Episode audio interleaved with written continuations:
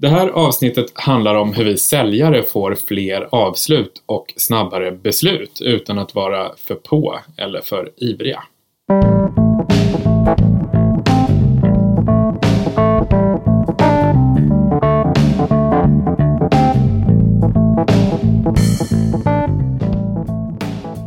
Problembeskrivning av dagens ämne. Det är oftast två problem med avslut för att få till en affär. Antingen går man för hårt på avslut och blir för på och blir lite obekväm för kunden. Eller så brukar det vara det motsatta, att vi som säljare istället blir för avvaktande och inte gör något tydligt avslut för att vi inte vågar fråga om affären eftersom vi inte vill vara för på eller uppfattas som en typisk krängare.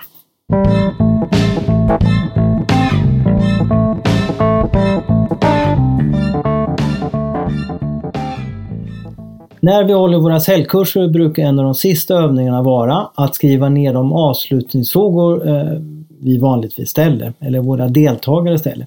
Och genomsnitt så brukar vi få en till tre stycken, sällan fler och i vissa fall faktiskt inga alls. Men det är inte så konstigt som det låter, för vi vill inte uppfattas att vara för på och då blir vi nämligen det motsatta, för av eller för avvaktande skulle man kunna säga. Konsekvenserna är ju ganska tydliga och här är några typiska varianter på vad som händer och inte händer när vi säljare är för avvaktande. Vi gör en offert som inte kunden vill ha. Vi har fel fokus på den offert vi skickar och vi har fel pris för att vara intressanta. Jag har en kompis som har ett sånt bra exempel. Om vi skulle gå in på Pressbyrån och köpa en Piggelinglass och så skulle kassören eller kassörskan fråga Är du verkligen säker på att du ska ha den här Piggelinglassen? Tycker du att den är värd de här åtta kronorna? Ja, då blir man lite tveksam. Mm. Mm. Och förutom offertkonsekvenser när vi är för avvaktande kan vi också få Ja, vi kan faktiskt få jaga kunden eller mejla eller ringa etc. Eh, om vi inte har ställt frågan när vi kan höra av oss då. Vi är för avvaktande helt enkelt. Mm. Och det här med att jaga. Igår hade jag en säljare som hade ringt mig åtta gånger innan klockan elva och fortsatt att försöka mm. ringa fast jag nekat den här säljaren då för att jag har suttit i möten. Så det var otroligt stressigt och det är ingen jag kommer vilja göra affärer med i framtiden. Nej, och det är ett typiskt exempel på att man faktiskt får jaga kunden när man inte gjort ett bra avslut eller bra avslutningsfrågor. Och eh, har man inte bra avslutningsfrågor eller för få så är det nästan alltid svårt att få ett fortsättningsmöte. Och som vanligt så drar det alltid ut på tiden. Vi får varken ett ja eller ett nej. Och när vi är för ivriga eller vill för mycket eh, och det beror oftast på att vi verkligen ser tydligt att det är kunden eh, eh, vi ser kundens behov, att de behöver våra produkter och tjänster. Inget ont i det, men ibland så kan det helt enkelt bli för mycket. Och eh, för kunden då som inte har kommit så långt i sin köpprocess och risken blir ju då att man faktiskt eh, helt enkelt tappar affären. Ja, som igår här då för mig, att man får ett nej som skulle kunna bli ett, ett ja om jag hade fått fundera ett tag till som kund. Eh, eller att kunden inte svarar på varken mejl och absolut inte på samtal från oss säljare. Eller att man får ett ”jag återkommer”.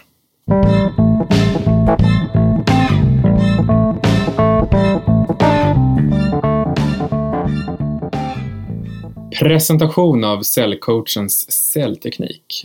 När vi går på avslut så formulerar vi frågor som är coachande till sin karaktär och med det menar vi frågor som driver köpprocessen framåt och gör kunden mer positivt beslutsbenägen utan att vi är för på eller uppfattas som en krängare.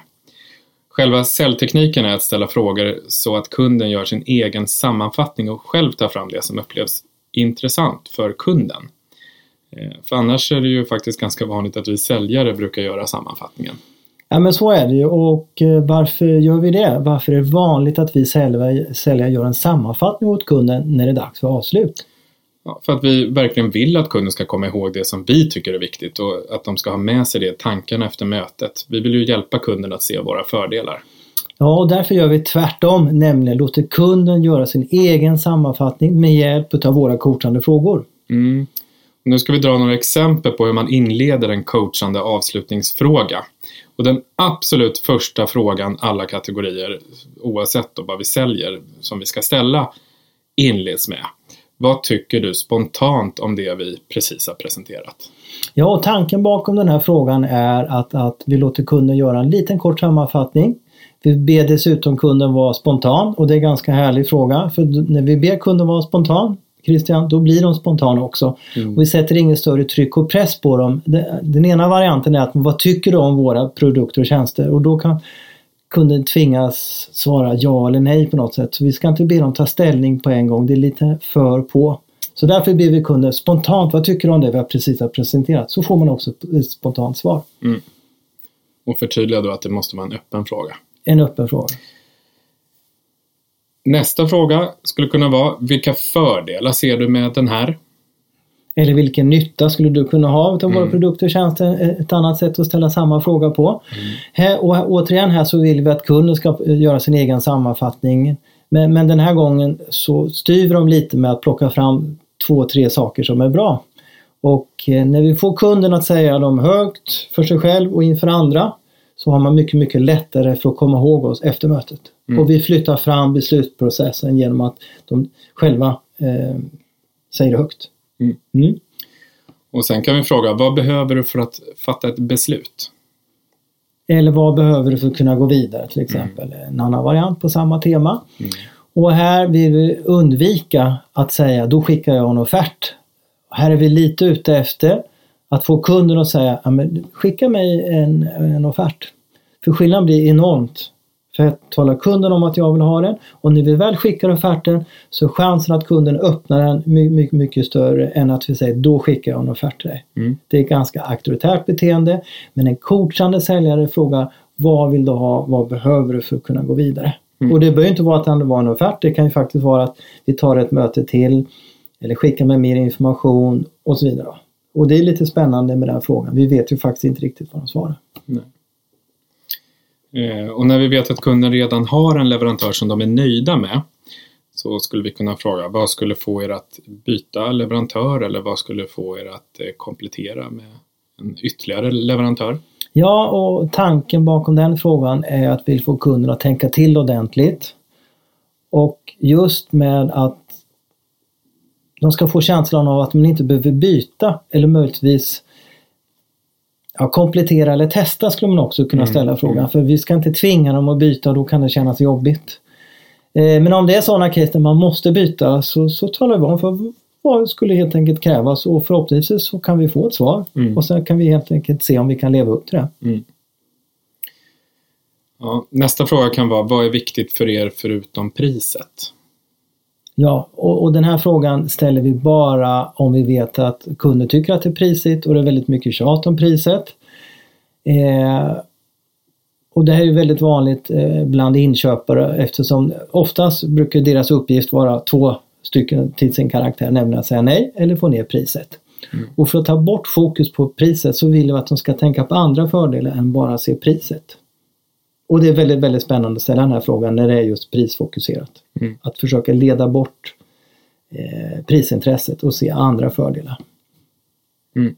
En annan variant kan faktiskt vara här när man ställer frågan om, om jag skulle säga så här till, till en inköpare, om ni får in två eh, offerter med exakt samma pris, vad är det som avgör att ni ska välja den ena framför den andra leverantören? Mm, just det. Mm.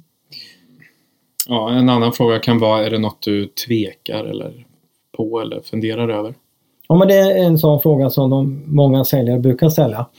Och, och, syftet med den frågan det är ju att vi vill att kunden ska säga nej men jag tvekar eller funderar inte över något. Och även där har vi flyttat fram deras beslutsprocess och gjort dem mer beslutsbenägna. Men självklart är det viktigt att veta om det är något de funderar och tvekar över. Då. Men mm. det är himla bra att få dem att säga nej, jag har ingen tvekan eller funderande vi har gjort dem mer beslutsbenägna. Mm. Och det här med prisfråga då. Eh, man skulle kunna fråga vad har ni för budgetnivå eller fråga hur tycker ni vi ligger till prismässigt? Den här frågan är till för att vi inte ska lämna ett pris som är för högt eller för lågt. Men, under förutsättning att, men det är under förutsättning då, såklart att vi under stående, stående fot kan komma upp med ett pris eh, mellan tummen och pekfingret. Kan vi inte det så ska vi inte eh, lämna en budget eller pris. Utan, men, men däremot om vi har produkter och tjänster så kan vi fråga, är det här häradet eh, mellan tummen och pekfingret okej okay för dig? Mm. För annars är risken att vi kan lämna kanske en offert på 400 000 när kunden förväntar sig en på 100 och då känns, upplevs det inte heller som seriöst. Mm. Och eh, det kan vara åt andra hållet också. Vi kan lämna en högre offert eh, och vi lämnar en för låg. Då. Mm. Så stanna kvar vid den här eh, tanken och fråga hur ser det ut och så vidare för att se. Mm. Så vi inte lägger ner för mycket tid och, och tala om varför och tala om för kunden varför vi ställer frågan. Mm. Upplevs många gånger som seriöst och man får otroligt många fler svar än man faktiskt kan tro. Mm. En annan fråga då, hur går er beslutsprocess till? Ja, då vill vi gärna höra att den personen som vi sitter framför oss och säger, men det är jag som bestämmer. Mm. Och när någon person säger det är jag som bestämmer, då har vi gjort en beslutsbenägen också. Mm. När tror du att du har funderat klart då? Ja, det är en av de sista frågorna som vi har. Ja. Och när personen har sagt att ja, men det är jag som bestämmer och så ställer man ganska, nästa fråga ganska snabbt. När tror du att, bestäm, eh, när tror du, att du har funderat klart eller Mm. gå vidare i din bes- bes- beslutsprocess?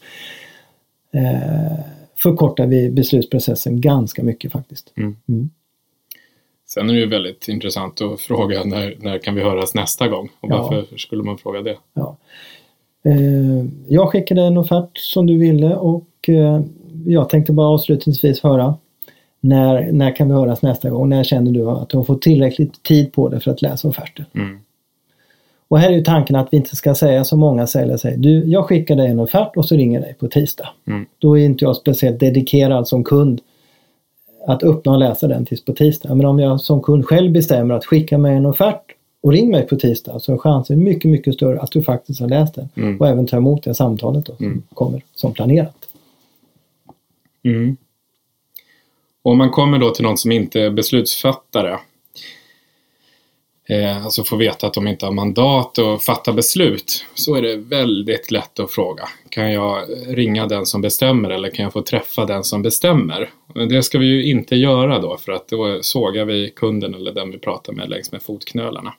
Och istället ska vi fråga, Om du själv hade fattat ett beslut, vad, vad tycker du om våra produkter och tjänster? Och det är rätt kul att jobba med de här personerna som inte har beslutande rätt då, eller beslutsrätt. Då, Därför att de har nämligen lätt för att fatta beslut. mm, Eftersom de inte tar några ekonomiska konsekvenser. Då. Så, så, så, och, och det är också en förutsättning för att när den här personen som inte fattar beslut går till sin chef så kommer ju chefen att fråga Vad tycker du? Mm. Då måste ju fått den här personen säga Jag tycker att den här är bra.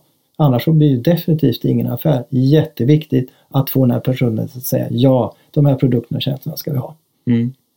Nästa fråga skulle kunna vara, vad är, vad är det viktigaste för ledningen eller chefen? Ja, eh, tanken bakom den frågan är ju att vi ska göra det lättare för den personen som inte fattar beslut att kunna sälja in det här för ledningsgruppen.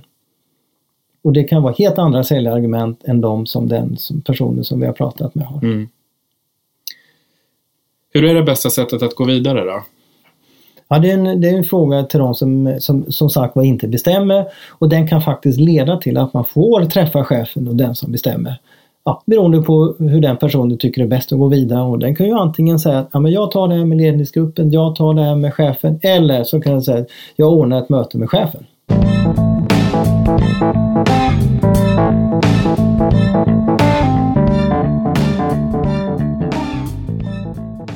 Sammanfattning av tre tips.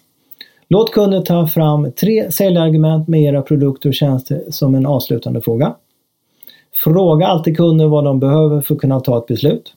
Avsluta alla kundmöten genom att spika datum och tid för nästa kontakt.